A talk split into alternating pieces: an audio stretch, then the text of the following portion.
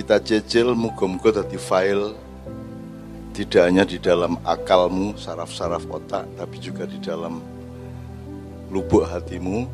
Karena di situ ada malaikat, sehingga nanti malaikat yang akan menyuburkannya, kemudian akan kelak menjadi perilaku kepemimpinan Anda di Indonesia. Saya akan merespon beliau Mas Didi nanti, tapi sebelumnya begini. Apa sebabnya arah-arah memang di jaluk tiga grup, terus tiga pertanyaan, itu bukan mau nguji, tapi kewajiban orang yang di depan ini adalah mendengarkan Anda. Kan gitu kan?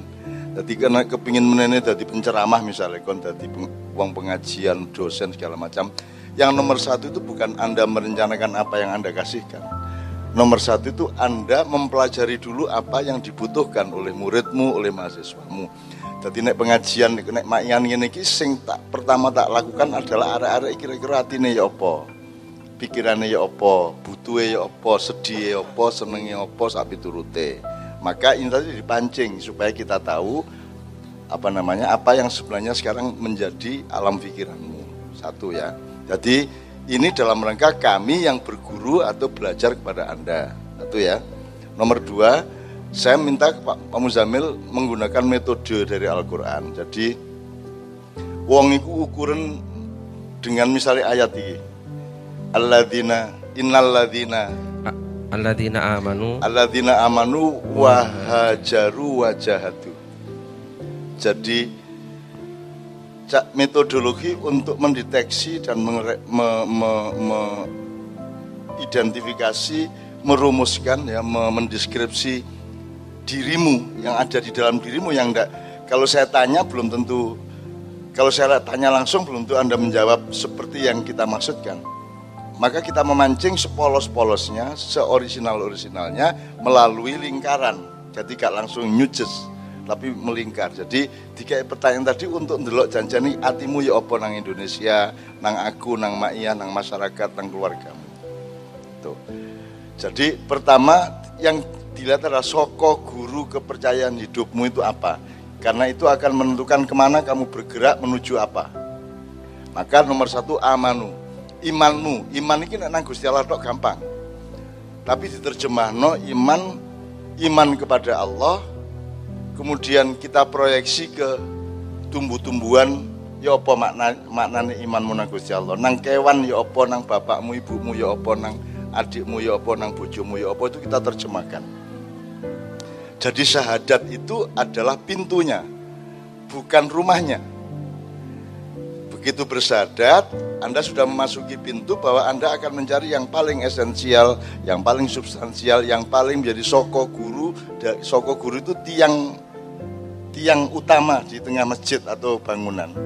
Itu yang harus kamu cari masing-masing. Nah kita tadi juga mencari soko guru nilaimu itu apa. Maka metodenya adalah didelok imanmu diterjemahkan ke dalam keindonesiaan yang bagaimana, ke masyarakat yang bagaimana, kekeluargaan yang bagaimana dan kemakyahan yang bagaimana. Tadi sudah muncul tiga jawaban, tiga perspektif, tiga cara berpikir dan seterusnya. Untuk melihat itu misalnya pakai teori ini wartawan, Pak. Opo sing diomongno? Ndi endi karpe Terus opo o terus ya opo sapi turute jadi 5W 1H itu berapa ya. Jadi itu teori jurnalistik itu sebenarnya sebuah kelengkapan untuk memahami kehidupan. 5W 1H itu. Nah makanya itu kita pakai. Kalau di Quran pakai amanunya tadi dengan teori jurnalistik. Kemudian nek wis awakmu ngerti arah-arah ijane karpe ya kepercayaan nilainya opo tiang rumahnya yang paling mendasar soko guru ya. Bukan tiang samping tapi tiang tengahnya itu apa? Tampak dari semua jawaban tadi. Ngono ya ceritane. Terus kalau kita sudah mengerti anak-anak maknya ini amanunya seperti itu maka kita bisa mencoba mendeteksi dan mempelajari berarti hajarunya. Berarti pergerakannya negak rene rene kan gitu? Itu kita pelajari Sopo yang ini adzan nopo kira adzan subuh. Kurung subuh he nggo he. Adzan asar kon iku. Oke. gak aku gak muring-muring gak apa-apa aku seneng tak semua saya nikmati semua semua itu petunjuk dari Allah apa saja asal engkau menerimanya sebagai kenikmatan dari Allah semua itu rahmat dari Allah jadi ojo ojo langsung bereaksi dengan kedangkalan hatimu tak pikiranmu ojo ngunu eman kekayaan dari Allah itu tuh kok serap terus mari kok dolei intine gitu loh ya oke tak terusin kalau Anda sudah ngerti amanunya teman-teman Maya, maka Anda bisa memperkirakan hajarunya ke mana, terus jahadu yang diperjuangkan itu yang paling utama apa, skala prioritasnya apa. Tadi sudah tercermin dari tiga-tiga jawaban. Jadi saya minta Pak Muzamil tadi memakai metode itu.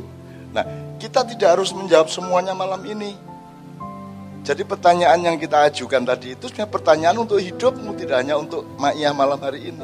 Nah awakmu gak jelas amanune, yo gak jelas hajarune maring ngono jahatune gak jelas. Akhirnya aku mek kentir rono rene oleh materialisme. Materialisme itu bahasa Arabnya apa Muzamil? Arok Somalia. Arok Somalia. Arok Somalia. Eh Almadiyah. Aku gak takon suka mesti gak tuh ya mesti takon nama Muzamil jadi kon ku yo ngono nek takon barangku ya dipasno nang wonge ya takon bahasa Arab nang suka ngawur ae kon. Terus ojo ngomong mengenai ilmu sosial dan komunikasi kepada Muzamil. Wong sarungan kok. Hubungannya apa iman? Lha nek iki enak kabeh kok.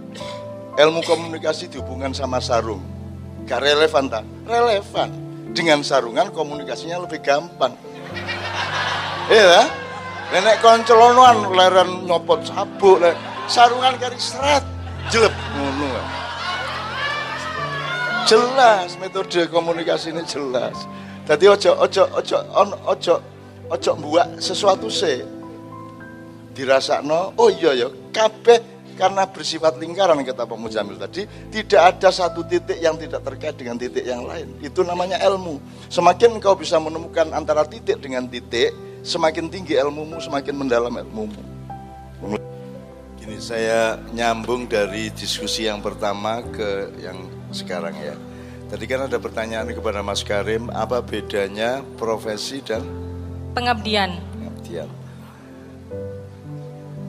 Jadi aku mau bengunyer, jadi pendekar itu nek saiki kita di, saya dipaksa untuk dalam waktu singkat merumuskan memakai wacana profesional dan pengabdi tadi. Pendekar adalah profesi yang yang diabdikan Profesi itu apa? Profesi itu dari kata profes. Profes itu artinya Anda menguasai skill sesuatu hal yang khusus. Menguasai, jadi misalnya kamu dodol kopi sampai ngerti segala macam tentang kopi. Jadi sampai kamu jadi pendekar kopi gitu ya. Tetapi naik pendekar gak ahli toh. Pendekar itu urusannya tidak hanya pendapatan, kehebatan, sukses, kekayaan, kalau profesi dia berhenti di situ. Ya.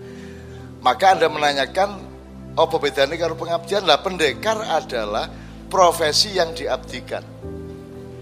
Gitu loh. Selama ini kan profesi itu kan untuk kepentingan dia saja. Kan gitu. Nah, pendekar adalah seorang profesional misalnya arek-arek pencak, dia ahli betul dalam soal bela diri, menangkis, ya nek diperlokno yo ya, yo ya apa meneh tak serekal rek nek kon nek gak engko tambah tak tak ganjel ya toh kon jadi dia ahli betul di dalam tata gerak bahkan silat itu sebenarnya juga memuat semua kemungkinan.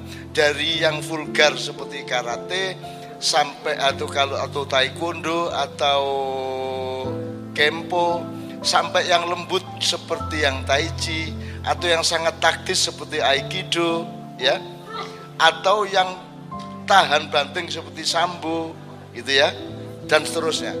Jadi itu adalah satu keahlian di dalam membela diri secara fisik kalau pencak silat tapi kalau pendekar dia lebih luas daripada olah kanuragan yang namanya pendekar dia juga melakukan olah kajiwan olah rohani, olah hati sehingga hasilnya adalah pengabdian kepada kemanusiaan jadi kalau kembali ke definisi tadi, pendekar adalah profesional pengabdi atau profesi yang diabdikan. Kira-kira ngono ya.